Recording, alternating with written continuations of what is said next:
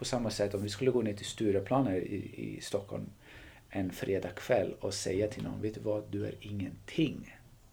Mm. Det skulle bli konflikt. Men skulle vi gå till i öst till en, till en buddhistisk munk och säga att du är ingenting. Då skulle jag säga tack att du påminner mig.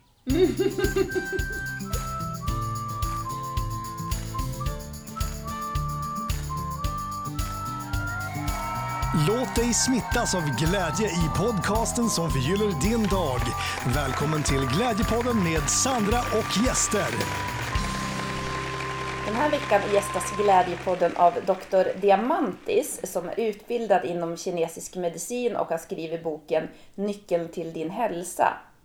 Och personligen så skulle jag önska att den där nyckeln till min hälsa var en universalört som bara botade allt och det var inte mer än så.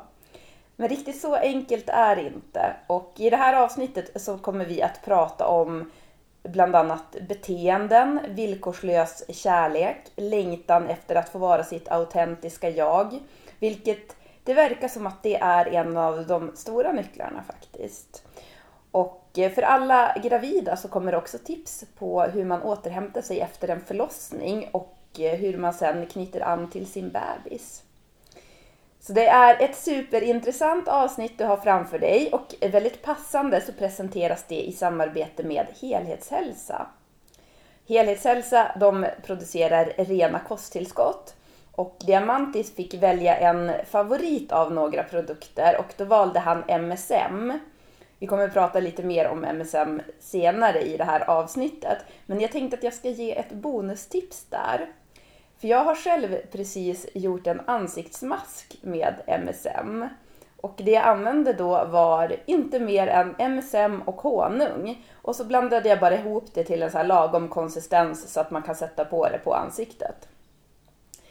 Jättekul! På tal om hållbarhet som vi pratade i, om i förra avsnittet så är det roligt att göra sina egna miljövänliga produkter som dessutom också är väldigt bra för hälsan och för huden. Och om du som lyssnar vill beställa hem några hälsoprodukter så rekommenderar jag dig att gå in på glimja.com. Glimja de har samma tänk som Helhetshälsa så att de erbjuder bara rena kosttillskott med hög kvalitet och bland annat också Helhetshälsas produkter. Och där får du också glädjande nog vid din nästa beställning 15% rabatt med koden Glädjepodden med stora bokstäver. Du hittar info om det här i poddbeskrivningen. Vill du ha mer glädje varje onsdag? Prenumerera på Glädjepodden. Vill du komma i kontakt med mig så finns mina kontaktuppgifter i poddbeskrivningen. Och eh, Glädjepodden hittar du på sociala medier som Glädjefabriken. Och nu så får du vässa öronen, göra dig redo för ett intressant och informativt avsnitt som rivstartas här direkt av Diamantis. Eftersom vi blev objektifierade som små, vi blev inte accepterade för den vi autent, den autentiska jag, jag var. Då blev vi objektifierade och vi själv objektifierar oss själva. Det är det som egot är. Egot är ett objekt. Våra mm. tankar om vem vi tror vi är, är ett objekt. Det är en sak. Så när vi säger till någon på engelska då, you are nothing. Mm. Vi tar det så otroligt negativt för att om vi skulle, på samma sätt om vi skulle gå ner till Stureplan här i, i Stockholm en fredagkväll och säga till någon, vet du vad, du är ingenting. Mm. Det skulle bli konflikt. Mm. Men skulle vi gå till i öst till en, till en buddhistisk munk och säga att du är ingenting. Då Mm. skulle jag säga tack att du påminner mig. Mm. Just för när vi säger ingenting, vi pratar om en sak. Du är inte en sak. Mm. Men konflikt sker för att alla vill vara något. Ja. Ja. Eller någon. Mm. I tron om att det är den karaktären de behöver vara.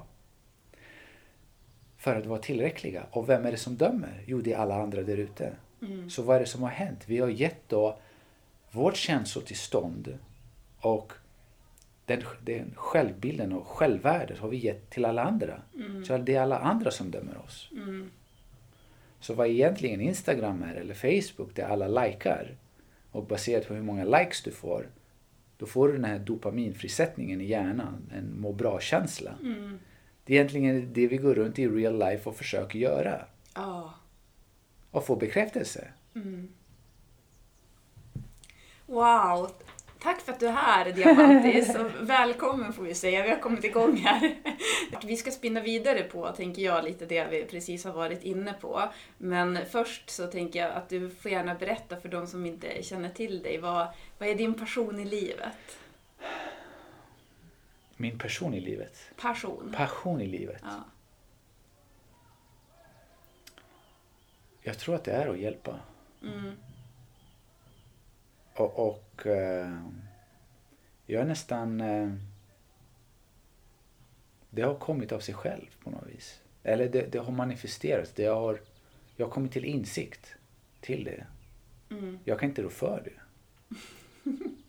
Det är verkligen så. Mm. Sen fanns det en, en bit, för att prata om min resa, eftersom jag är uppvuxen i en dysfunktionell uppväxt. Att det fanns, jag var driven utav just, jag bar så pass mycket skam inom mig. För att som elitidrottsman är man aldrig tillräcklig. Jag spelade basket i Europa och i svenska landslaget. Mm. Och jag kan säga att det är inte en vacker miljö. Nej. Och vi ser upp till alla fotbollsspelare som wow, Mm. eller hockeyspelare, alla idrottsproffs. Men det finns en sån mörk sida om folk bara visste. Mm. Jag kan tänka mig det. Mm. Man, man kommer aldrig till träningen och är tillräcklig. Nej. Det är alltid någonting man behöver bli bättre på. Ja. Sen kan psyket inte särskilja det här. Nej. Så hos mig var det delvis att jag var då driven till att hjälpa. För att vilken bättre miljö kunde jag finna mig själv att jobba med människor och de sökte mig hjälp. Mm. Så jag har ju behövt läka mig själv under resans gång Mm. och komma till insikter på att när jag ska säga stopp och när jag ska säga nej och dra gränser Mm. och så vidare. Men min passion är just det, att hjälpa. Och du håller på med kinesisk medicin.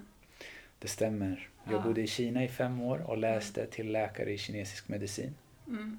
En väldigt lång utbildning eh, med inriktning i både akupunktur och örter. Vad skulle du säga så här om du ska beskriva kinesisk medicin i korta drag för de som inte är bekant med det? Mm. Hur skulle du beskriva det? Kinesisk medicin är en medicinsk modell bland många modeller. Den vi känner till då är den västerländska, som vi kallar det för. Eh, terminologin är allopatisk medicin, så den har en specifikt namn. För att i väst har vi också homeopati som är en egen medicinsk modell. Mm. Många känner till ayurveda genom yogan och ayurveda är en medicinsk modell. Så världen över finns det olika typer av medicinska modeller. I mina ögon är kinesisk medicin den mest kompletta Mm. och den mest komplexa. Den har funnits i tusentals år och man har genom beprövad erfarenhet förstått sig på eh, hur kroppen fungerar, vilka örter fungerar för olika saker. Och det började genom att observera naturen och observera människan. Mm. Och den har ju sina rötter i daoistisk filosofi och yin och yang. Mm. För att sedan därifrån utveckla något som kallas fem, fem element-teorin. Och trots att man använder sig av metaforer så inkluderas kroppens alla fysiologiska funktioner i just det. Och det finns, man hamnar aldrig i svaret vi vet inte när det kommer till kinesisk medicin. Det finns alltid ett svar. Och det är det som fascinerade mig. Så jag var den jobbiga studenten som alltid räckte upp handen och frågade varför, varför, varför. Och även sådana här absurda saker som att, som att gå i sömnen. Ja. Jag, jag, jag nästan utmanade. Jag tänkte att jag ska hitta någonting. Vad, vad är, varför? Ja. Att, och eh, det fanns. Det fanns ett svar. Men är det specifikt då, eller är det så ett generellt svar för de som går i sömnen? Eller skulle du säga att det är olika då beroende på vilken person det är som går i sömnen? Just när det går i sömnen då har du med samma typ av obalans. Ja. Ja.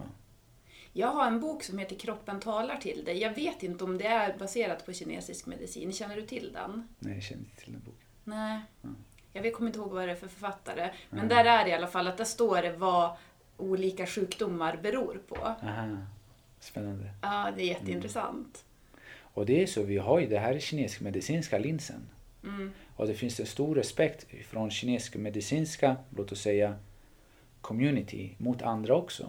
Så det vackra är att ett sjukhus i Kina är uppdelat i två. Ett kinesisk medicinska delen och den andra då den allopatiska eller västerländska. Och det finns ett jättefint samarbete mellan dem. Där man förstår att båda två är nödvändiga. Och de kompletterar varandra jättebra. Kinesisk medicin handlar mest om kroniska besvär. De är väldigt bra med att hitta roten till problemet. Mm. För att kinesisk medicin inkluderar då människan och sinnet. Det är inte två separata saker. Mm. Samt människan och miljön man växer upp i. Så man pratar om yttre faktorer, inre faktorer, känslor. Mm. Du kanske kommer med menstruationsbesvär och vi frågar är du lätt irriterad, är du frustrerad? För alla de känslorna kommer också påverka qi, energicirkulationen i kroppen och blodcirkulationen på ett specifikt sätt. Mm. Det här är då, och när vi ser då irritation och frustration, vi ser att det har att göra med organet levern. Och, och därav också att se vissa som är väldigt extroverta kan vara hetlevrade. Mm. Så vi har i svenska språket har vi vissa termer, eller vissa ord, som indikerar en känsla med ett organ. Mm. Vilket är väldigt intressant. Nu det finns mycket mer utvecklat i kinesisk medicin. Jätteintressant. Ah, Och det här kan man ju gå in på hur mycket som helst. ja. Men eh, har du några så generella, bara så här, eh, om du lever så här så... Jag säger så här, det absolut viktigaste som inte vi kan kompromissa med, Mm. Det är att du måste leva och tala din sanning. Mm. Wow. Du, du kan inte kompromissa med det. Nej. Du, har inget, du kan inte gå runt det på något vis. Alltså jag blir så glad för jag älskar det här svaret för att det, jag tänkte typ att du skulle bara ja men sov åtta timmar eller drick eh, en viss typ av ört eller någonting. Men Ja. bara ja det, är, ja det är så stort. Det är absolut, absolut det viktigaste. Mm. Och du ser att leva och tala sin sanning, det är inte någonting som jag intellektuellt försöker konstruera. Nej. Det är bara det är en djupare intuition, en magkänsla som jag egentligen vet, varje gång jag bryter mot den magkänslan, det brukar inte bli bra. Mm. Men tvärtom, talar jag min sanning och lever jag min sanning, hur kan jag, hur kan jag få skit för det? Jag kanske får skit, men det måste vara någon som bär på väldigt mycket smärta. Om jag tillåter mig själv verkligen leva enligt min sanning och se livet som en upptäcktsfärd och varje dag att man berikas av den Mm. på något eller annat sätt. Och så helt plötsligt i den här resan så kollar jag till höger och så ser jag, "Ja, men, men det är du. Jag upptäcker. Mm. När jag minst anar det. Mm. Det är då det blir genuint. Jag brukar tänka så här, det har jag som mitt mål i livet, att jag ska vara så kärleksfull person som jag kan. Och när jag har fokuset på det, då blir jag mest lycklig. För att annars blir det som att, för då blir istället för att jag går och är rädd att jag ska bli sviken eller att jag, var, vilka människor jag ska möta där utanför, så blir det som att, men då har jag i alla fall eh, en tro om att den kärleken reflekteras tillbaka till mig eller att jag märker om jag är i sammanhang där den inte gör det och då kan jag bara gå vidare för att jag har också varit med mycket i livet om att jag har känt att jag har som i efterhand upptäckt att där blev jag väldigt dåligt behandlad men jag fattade det inte ens. Mm. Precis. Så att ju mer jag fokuserar på att jag bara är i kärlek desto mer lägger jag ju också märke till att ja men här kändes det inte så bra, här behöver jag inte Mm. vara och då blir jag också mer trygg. Precis. Jättefin poäng. För att ju mer man går in just i, den, i det spacet så upptäcker man också att jag är inte ens medveten om att jag är kärleken i sig. Mm.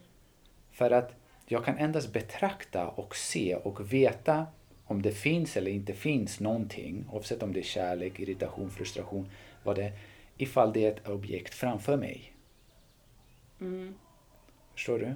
Så om jag försöker älska mig själv, låt oss säga, trots att det finns tid och rum för det också, men om vi verkligen går in i kärnan i det här, så kan jag bara endast älska någonting som finns, som är ett objekt framför mig.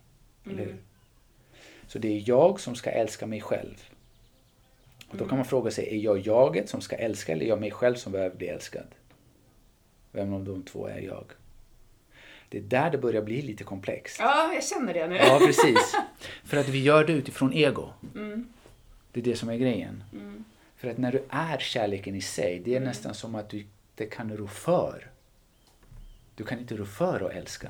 Nej, precis. Ja. Och då, det är ju det här diamantis som jag, alltså, jag tycker är så intressant, för då är man ju trygg. Då är man ju i den största tryggheten när man då är kärleken. Och då kan man ju inte heller bli sviken. Man kan ju ge oändligt utan att man blir dränerad eller att det som att någon tar någonting ifrån en. Ja. Men varför är vi så rädda för det? Att vara i våran egen kraft? Jag tror för att vi har associerat det pl- platsen med smärta. Du ser, när vi var små, vi var vårt autentiska jag. Och jag satt där och bara tittade på TV och gjorde min grej. Men min pappa hade en dålig dag och stormade in och han bara spydde, spydde galla över alla i huset bara för att han inte mådde bra. Det tolkade ju barnet som att det är någonting fel på mig. Förstår, barnet förstår sig inte på vuxenlivet. Nej. Och just i den oförutsägbara stunden, det är det som betyder just smärta. Och väldigt hög smärta, låt oss säga en psykologisk smärta på 7, 8, 9. Medan nästa dag så börjar nu, okej nu är klockan närmar sig fyra, pappa brukar komma hem vid den här tiden. Det är nog bäst att jag går och ser ut om att, att jag är produktiv på något sätt. Så nu helt plötsligt måste jag tänka vad som hände igår och vad kan konsekvenserna bli ifall jag fortsätter göra det jag gör nu. Bättre att jag gör någonting annat. Så nu mitt sinne, mitt ego, börjar pendla mellan det förflutna och framtiden hela tiden. Och vi stänger just den här möjligheten att vara vårt autentiska jag. Ja. Men att kontrollera sitt beteende på det viset, genom, och, och därav skapar man känslan av kontroll, så begränsar man sig själv också att växa. Mm. För att vi offrar det oförutsägbara. Det som är här och nu.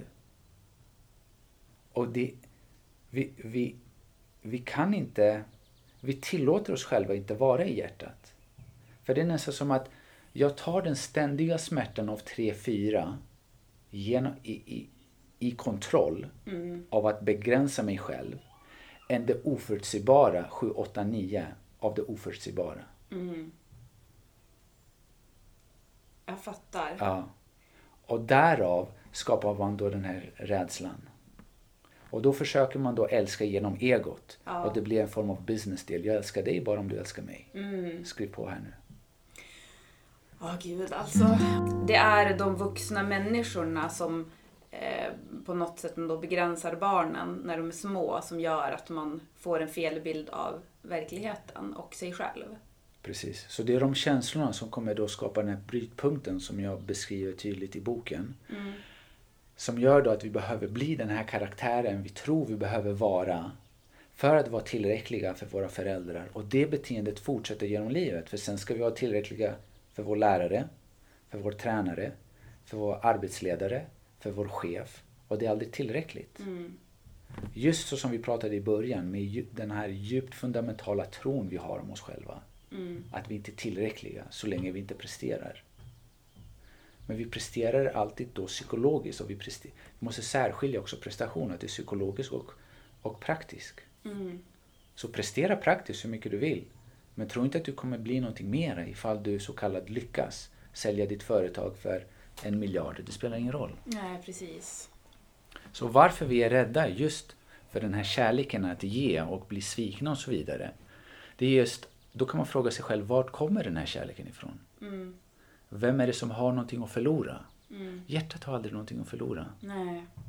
Du säger jag älskar dig och ibland, du vet inte ens om det. Och oavsett om du väljer att att dela det här livet med mig eller inte, jag kommer fortsätta älska dig. Förstår du? Om jag älskar någonting, jag låter det vara exakt som det är. Jag, ser en, jag ser en blomma och direkt så vill jag gå dit. Dels objektifierar jag den. genom att säga att ah, den är så, den är si och sådär. Men rosen i sig vet ingenting om sin egen doft. Mm. Det, det, finns ingen, det finns ingen vetskap om vad den är. Den Den bara bara är. ja. Eller hur? Mm. Men det är vi med vår dualistiska sinne, egot, Mm. som ser allting svart och vitt och säger det här är fint. Men det ändras i relation till någonting är fult. Mm. Ja. Jag älskar dig, men det ändras i relation för att jag inte älskar honom eller henne. Mm. Jag älskar dig mera. Men du ser, egots mage kan aldrig bli full, som vi kan aldrig bli mätt, som vi sa tidigare. Mm. Och när vi älskar någon genom den kanalen, så fort jag har, nu låter det här vä- väldigt tråkigt, men så fort jag har jag har erövrat dig, okej, jag, jag har fått dig i sängen, Mm. då går tanken till nästa, åh kanske jag kunde få den, den andra. Mm. Du ser. Just det. Så jag vi, vi är gifta, vi har ett barn och det börjar bli svajigt för att det här är nu en business deal. Mm. Och så försöker vi rädda äktenskapet med ett till barn. Mm. Och så inser vi bara under sommaren behöver vi spendera mycket tid tillsammans och då fallerar alltihopa. Och de flesta skilsmässorna kommer in då. Det här låter ju Oktober. jättetragiskt. Det är jättetragiskt. Ja. Men du ser hur pass mycket smärta individerna behöver bära för att gå in i ett sånt beteende. Mm. Och det är aldrig att skylla på den ena eller på den andra. Ja. För att när två egon tittar mot varandra och säger okej, let's do this. Mm. Det är nästan som att jag presenterar en bild av vem jag tror du vill att jag ska vara.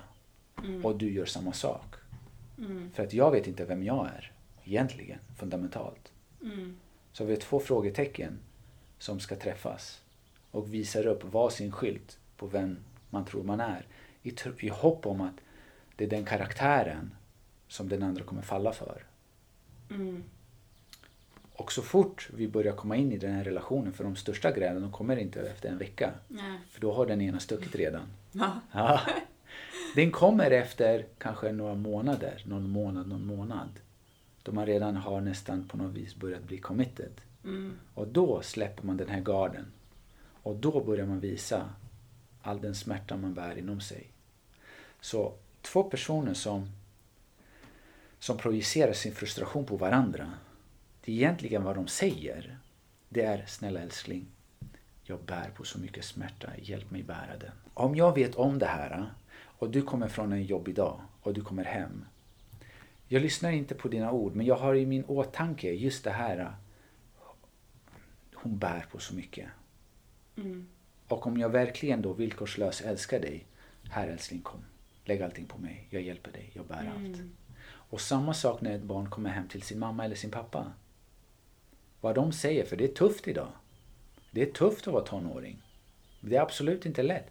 Först har vi från ena sidan har vi alla transgenerationstrauman, ett beteende som inte reflekterats över, som går över från en generation till en annan. Farfar slog pappan, pappan slår barnet. Och det bara fortsätter utan att någon har stoppat det. Och från andra sidan alla de förväntningarna som finns på i samhället idag. På vem det här barnet, tonåringen, ska bli. Mm. Och så kommer den hem och den är frustrerad. Och så vad den egentligen vill säga är då mamma hjälp mig bära den smärtan, det är så tufft. Mm. Det är så tufft. Eller till pappan. Och vad får, det, det absolut värsta som kan hända det är ett bakslag. Som egentligen mamma och pappa säger, vet du vad? Jag har min egen smärta här. Ta din smärta tillbaka in i dig och gå till ditt rum. Vi isolerar dig för att du ska lära dig att du får leva med det här. Mm. Det är så det behöver vara. Inte vara till besvär. När de egentligen behöver samhörighet, Mm. kärlek, närhet.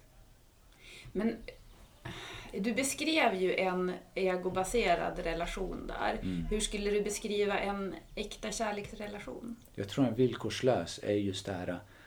Jag älskar dig för att jag kan inte rå före att älska dig. Mm. Och oavsett om du väljer att älska mig tillbaka eller inte. Mm. Jag kommer alltid älska dig.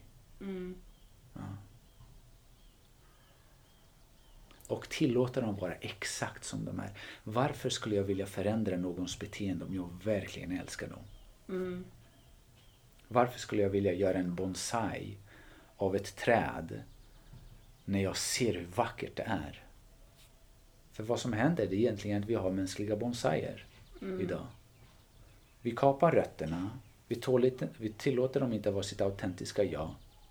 Och vi formar dem till en form som vi tror att de behöver vara för att de ska vara tillräckliga.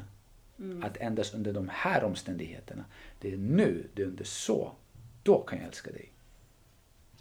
Just det. Och så längtar vi alla egentligen allra mest efter att få vara vårt autentiska jag. Det är så paradoxalt på något vis. Ja. Men den här smärtan är också nödvändig. nödvändig. Du vet, för att den smärtan är vad som kommer, som kommer få dig att börja ställa de rätta frågorna i livet. Det, det är vad som leder dig till den här uh, födelsekanalen, till ett högre medvetande genom de här insikterna. Inte frågan hur. Hur ska jag vara? Hur ska jag göra? För att frågan hur är väldigt maskulin och den är väldigt aggressiv. Den är utåtriktad. Hur kan vi ställa oss frågan när vi ska, det tekniska, hur ska jag bygga ett stabilt bord? Hur ska jag äta? Hur ska jag sova? Hur? Men när det kommer till den inre resan, för att upptäcka sig själv, inte för att förändra sig själv. Upptäck, ja precis. Ja, det händer genom insikter. Genom frågan, verktyget, vad är? Vad är egot? Vad är alla de här känslorna? Vad, vad är det här eviga närvarande medvetandet som betraktar känslor, tankar? De kommer och de går. Så du ser, den andra är utåtriktad. Den, och den andra, den första är utåtriktad, den andra är inåtriktad. Och det är nästan som att jag gör mindre. Mm.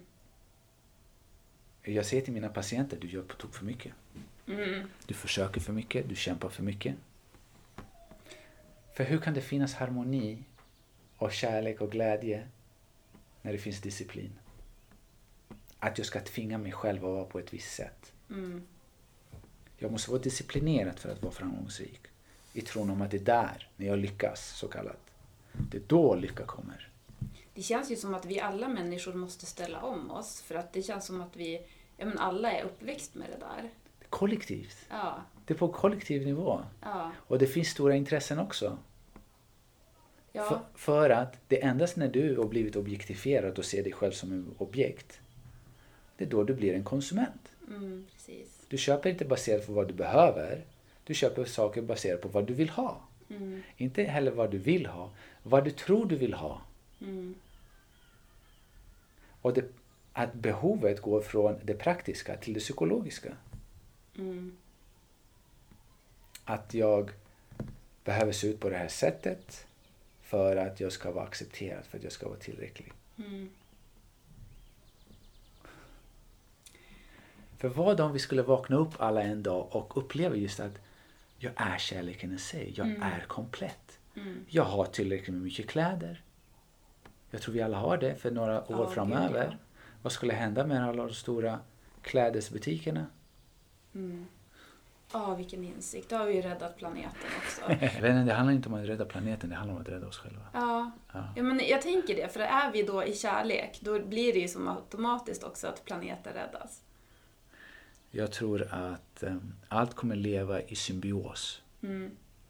Oavsett vi försöker eller inte. Frågan är, är det med en människa på planeten eller utan en människa på planeten?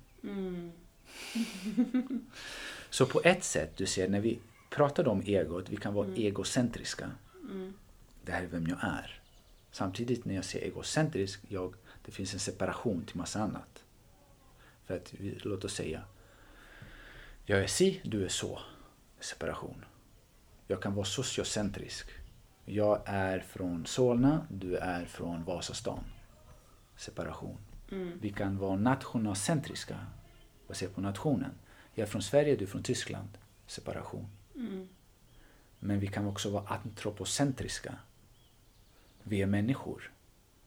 Allt det andra är djur, växter. Men sen kan vi också gå ännu ett steg och verkligen vara centrerade kring bara liv. att man känner den samhörigheten med allt levande. Mm. Hur ska jag kunna gå och hugga ner träd? När jag vet att min lunga är inte bara här inne men den är där ute också. Mm. Jo men det är det jag tänker. Att då kan vi ju inte heller, när, vi- när vi är i kärlek, då kan vi ju inte heller göra saker för att förstöra. Det går inte. Nej. Nej. Så vi säger väl det, kärlek är svaret. Jag tror att det, exakt det, och det går inte att kompromissa. Nej. Mm. Men en sak jag undrar. Ja. Eh, jag hade förra året så gick jag igenom väldigt mycket så här, jag har jobbat på vissa saker under större delen av mitt vuxna liv känns det som. Men förra året var det en så här riktig dunderutrensning. Så därför så, jag håller på att läsa din bok här nu också. Som, eh, jag får jättemycket bekräftelse från den, Ja, känner ja. jag. Men hur som helst så var jag också och fick hjälp av en kvinna som healade mig och vi gick igenom mina gamla, det som har varit mitt största trauma. Och när vi gjorde det så kände jag så att allting blev så tydligt i mitt liv. Jag såg hela mig själv så tydligt och jag såg ja, men mitt beteende. Exakt. Det var väldigt jobbigt. Ja. För att jag såg då hur eh, ja, men taskig jag har varit mot mig själv. Mm. Och hur mycket jag så här, har hållit mig själv tillbaka också från livet. Och, Mm. Det var en lite jobbig så här, förlåtelseprocess med mig själv där, efter det där. Mm. Och, men samtidigt så gjorde det också att jag blev väldigt ödmjuk för oss människor. För att det är inte lätt att se sig själv, hela sig själv. Sen så gör det att man blir mycket friare. Men då tänker jag då att, eh, som du sa, saker och ting går i generationer. Eh, en förälder slår sitt barn som slår sitt barn som slår sitt barn. Och många gånger så handlar det här om psykisk misshandel, så att det behöver inte vara... Det är också mycket så förminskande kan jag Precis. känna att jag själv också upplevt. Att har man inte blivit slagen så har man inte haft ett trauma till exempel. Eh, Exakt. Och så är det ju inte. Eh, och det blir ju som ett trauma i sig, just där att känna sig förminskad. Mm. Eh, men då tänker jag då, den här föräldern som kanske har slagit sitt barn psykiskt eller fysiskt eller tagit ut då sitt eh, den har ju varit omedveten om sina egna smärtor och sitt eget sårade barn. Absolut. Om den föräldern börjar bli medveten, har du något tips? För jag tycker ganska synd om den då. Jag, jag tänker just det här med att då veta också att det här har jag också fört vidare till ett barn som har farit väldigt illa utav det. Hur tänker man som förälder då? Ett under, först och främst, man ska inte klandra sig själv. Nej. Oavsett. Vad som har hänt dig är inte på grund av dig. Det har hänt mot dig och till dig. Mm. Att man inte ska gräva ner sig. Sen när det kommer till, det är inte alltid möjligt skulle jag säga. För att när man har skapat en sån rigid mental infrastruktur att tillåta den falla ihop, kollapsa för att börja bygga någonting, tillåta någonting äkta blomma ur det kan vara så smärtsamt. Så om en förälder skulle jag säga kom till insikt hur pass mycket skada den har gjort till sina barn. Jag kan ha, se det svårt för dem och, och, och kunna bära det. Mm. Så i det här livet kanske bättre bara att bara vara mer, lite mer ödmjuk och komma till insikt. När min dotter som är nu två år gammal, två och ett halvt, om hon snubblar på sina fötter och ramlar och slår sig, hon gråter som om jorden håller på att gå under. Det här är hennes inbyggda naturliga emotionella detoxsystem.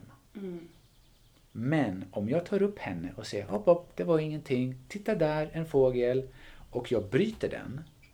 Vad händer med, då har inte allt bara lämnat. Nej, precis. Hela processen är inte gjord, Nej. eller hur? Jag kapar den. Ja. Så den vibrationen av frustration kommer finnas kvar inom henne Ja. och störa resten av chi som cirkulerar. Mm. Så vad min uppgift är som far är att ta henne, visa näring och kärlek, anknytning, alltid stark, stark anknytning och tillåta henne göra den process hon behöver. Mm. Och gråta igenom tills hon kommer till slutet. Och då har det lämnat. Och hon bestämmer när det är.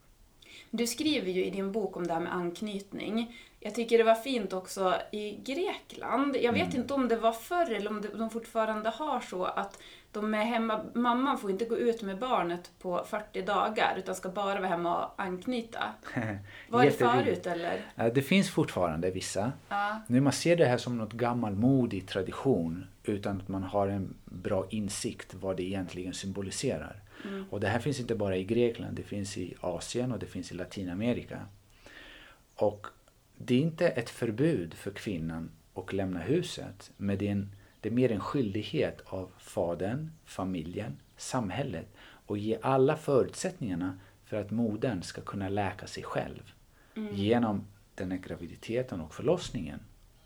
Vi ser kinesisk medicin säger 40 dagar för 40 år. Om inte kvinnan som har förlorat så mycket blod och yin och chi energi genom en förlossning om inte hon bygger upp det just under de omständigheterna, de 40 första dagarna, så kommer hon ha men resten av livet mer eller mindre. Mhm, gud vad intressant. De är avgörande. Ja. Men så där är det ju inte många, för ofta är det ju så att ja, men det ska ju komma folk och hälsa på dagen efter det har kommit en bebis typ.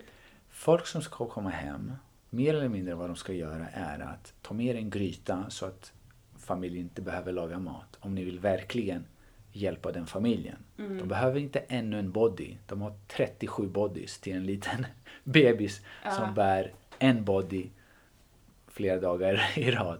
Hur som helst, vad de behöver är att någon som kommer städar, lagar mat, bäddar om och så vidare.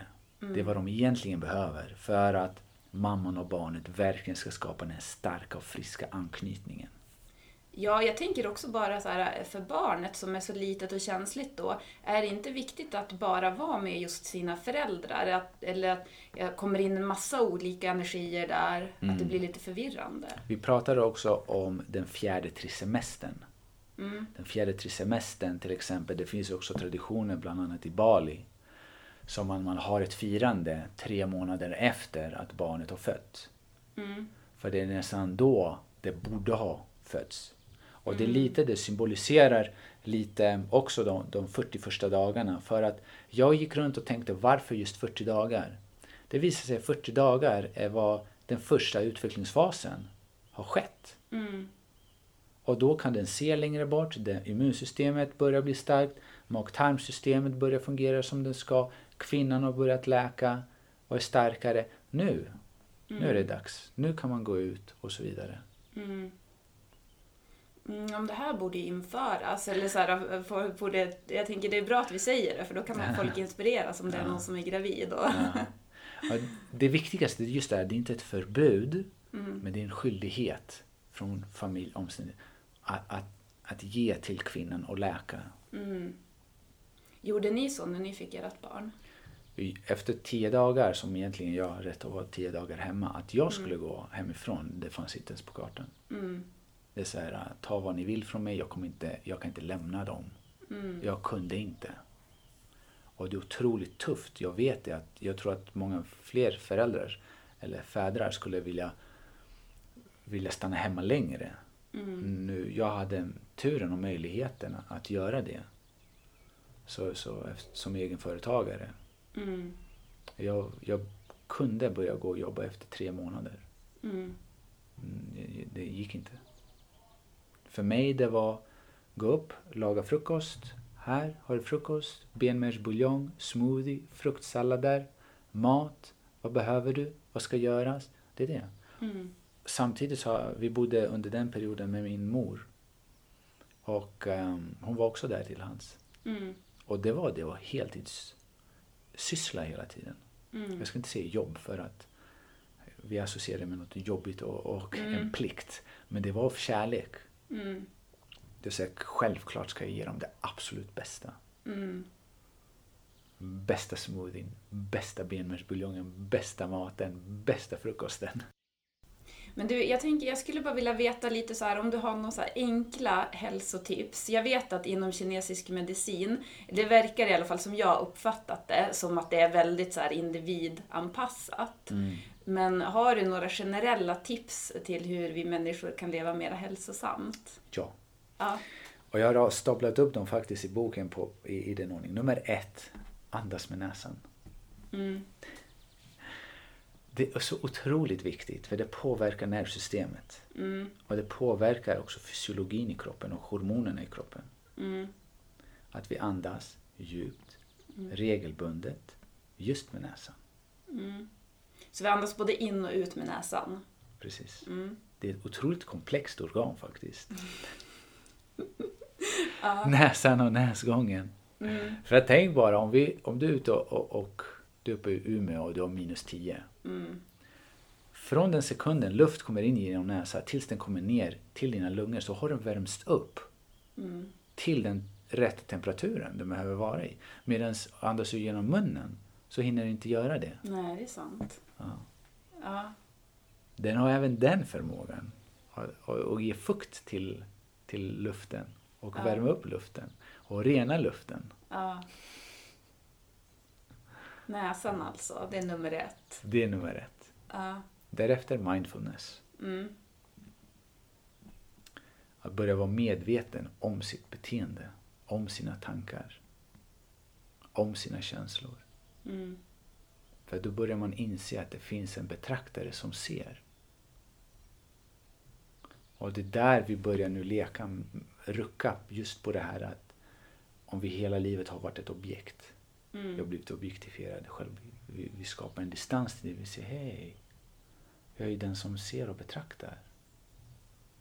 Därav kan inte jag vara det. Mm. Och därefter meditation.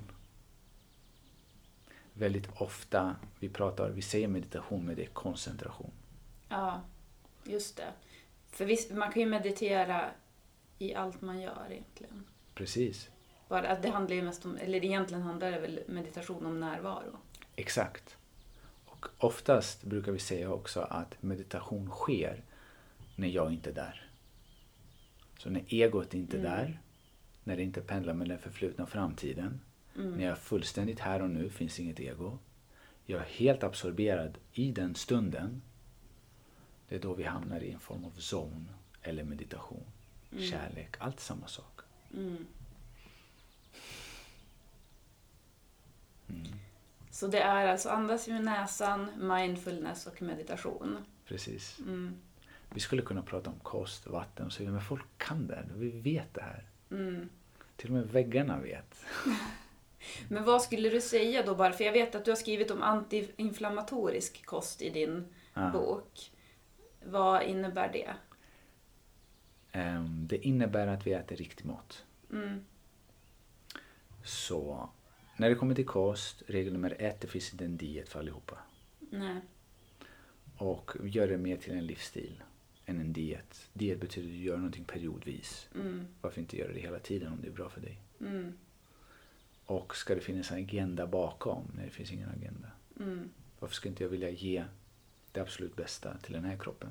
Mm. Jag är inte vad jag äter, jag är också vad jag absorberar. Mm. Och jag gör nyttig mat till god mat. Inte försöka göra god mat, vilket oftast är onyttig, till nyttig. Ja, just det. Så utgå från att det ska vara väldigt näringstät. Mm. Mm. Och inga, inte så mycket konstiga tillsatser, ingredienser i. Exakt. Ja. Men just antiinflammatorisk, vad, hur skulle man beskriva det? Är det just det du säger? Att det bara är riktig mat. riktig mat? Ja. Riktig mat och se till också och tillaga det på bra sätt. Mm. Vilket är då mycket soppor och mycket grytor. Mm. Så du inte kommer upp till de otroligt höga temperaturerna när man, när man grillar eller när man steker, man friterar. Mm, just det. Mm. Och örter då? Vad är favorit, om du ska rekommendera en ört som så här, eh, universalörten? Tyvärr, det finns inte. Vi vill ju så gärna veta vad Ja. är den bästa. Men du vet, Ja. det är så, så... Vad som är bäst för mig är inte bäst för dig. Du Nej. vet. Så det finns ingen så här som är universal för, som alla bara kan. Vi vet ju att det finns vissa, okej vi kan ta det från det här perspektivet. För, för mig, om, om jag, för att svara på din fråga, det är oregano. Men jag har den grekiska Mm. påbron. Och jag bara älskar oregano, jag lägger i allt. Mm. Jag steker ett ägg, jag slänger på oregano. Jag, jag gör en gryta, jag har oregano i. Mm. Eh, marinerar också kött när jag äter kött, oregano. Mm. Eh, men annars skulle jag säga, om vi tar det från eh, antioxidantperspektivet. Mm. Då har vi kryddnejlika som är otroligt rik på antioxidanter. Och sen har vi också, man kan gå från det perspektivet också. Mm. Men använd det, börja, att man börjar lära sig för de, de är otroligt näringstäta de här kryddorna. Mm. Och örterna, kryddnejlika, spiskummin, kardemumma, ingefära och eh, så vidare. Mm. Så att det inte blir en knorrbuljong som är Nej men precis. lite allt i allo. Ja men det är ju kul ändå att få hålla på och så här, testa nya eh, kryddor och örter och Ja men självklart, det har ju Ja. att göra med mitt välmående. Ja, precis. Men du har ju fått, vi har ju med Helhetshälsa som eh, partners för den här podden nu. Då Mm. får du välja en eh, favoritprodukt av några här. Jag tror det finns alg omega 3 magnesium, immunoptimal och MSM. MSM är ju en fantastisk produkt. Mm, Väldigt bra för eh, många olika saker. mm, Så jag tror att jag går på MSM. mm. Det är svavelbärande molekyler och bra för levern. Ja, man brukar också ha det för hud, hår, naglar, Bra, exakt. sånt. Så. För det hjälper ja, till att skapa då kollagen. Ja, just det. Ja, men bra val. Och hälsotips har vi redan fått av dig. Så. Men jag tänkte om du skulle vilja skicka med en glädjeboost. Någonting som vi under en veckas tid kan boosta oss med varje dag för att vi ska bli lite gladare eller för att vi ska göra andra gladare. Mm. Det Jättefin. vara? Jag skulle nog säga att vakna upp på morgonen, säg tack. Mm, Du äter din frukost, tack. mm, Du har ett fint möte med någon. Därefter du känner tack. mm, Bara tack. Den här tacksamheten, fantastiskt, den sprider sig och den smittar av sig. Och den gör stora fysiologiska förändringar i kroppen. mm, Vi mår bra utav det. mm. Jättebra. Då säger vi tack eh, så, så mycket som möjligt under Exakt. en veckas tid. Ja. Har du någonting du vill tillägga? Eh, Jag vill bara själv tacka så hemskt mycket. Och tacka alla lyssnare. Och eh, önskar er allt det bästa i er egen resa. Mm, Till, tillbaka till ert hjärta. mm. Hur... Jag tänker det här, det är fint att du säger resa. Mm. För att livet är ju en resa och man är ju som, blir som aldrig färdig. Hur tänker du själv runt omkring det? Alltså vars du själv är också på din resa. För det är så lätt att man ser upp till människor som till exempel dig. Att ja, men du eh, håller på med, du är doktor, läkare i det här och du har skrivit bok och... Har du skrivit flera böcker förresten eller? Eh, nej, det är första. Ja, den här, vi ska länka den också i poddbeskrivningen. Och din Instagram. Jag blev ju helt så här wow när jag var inne på din Instagram. Så alla som lyssnar nu, det här är också så här glädjeboost nu. Gå in och följ Diamantis på Instagram. Ja, tack. Eh, Men jag tänker att det, blir- det är ju lätt att man tänker då så att, eh, att en person har, är ja, men färdig i princip eller sådär. Hur ser du på din egen resa?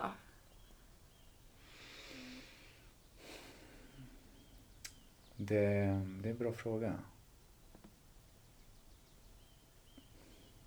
Färdig, det är väldigt linjärt. Mm. Det är inte så mycket som är linjärt i min, i min syn. Det är mer um, cirkulärt. Mm. Det är nästan som en förändring av olika faser. Hela tiden. Mm. Det är väl det, det finns inte att bara leva och tala din sanning. Mm. Ja, för jag tänker det, just det här att försöka ta bort så att det inte blir som en så här prestation heller, att bara jag ska vara i hjärtat och så helt plötsligt så händer det någonting och så är man inte där och så bara, ah, men gud jag ska ju leva i hjärtat. Alltså, så att man inte känner att man har den pressen på sig. Att man, alltså vi är ju också människor, det är inte så himla enkelt. Självklart inte. Så länge intentionen finns, det är allt det. Mm. Intention är allt. Mm. Finns intentionen där, då spelar det ingen roll vad the outcome är. Nej. Låt oss säga, jag förs- min intention är att göra den bästa middagen till dig. Så kommer du hem och så Ja, diamantis, det här var inte riktigt vad, vad jag tål eller kan eller äta. Ja. Och du säger, du vet, mänskliga faktorn, det händer. Du vet. Ja. Låt oss skratta om det också. Ja. Ja. Så var inte så för hårda mot er själva heller. Nej. Du vet, vi får inte glömma bort den mänskliga faktorn. Nej, precis. Vi är bara människor. Sometimes we screw up, sometimes vi glömmer. Ja, exakt. Mm. Så lite mer ödmjukhet också i livet. Ja, verkligen. Framförallt till en själv. Ja. Mm. Ja, men bra. Vilket bra avslut. Ja, Ja. Ödmjukhet. självklart. Tusen tack. Tack själv.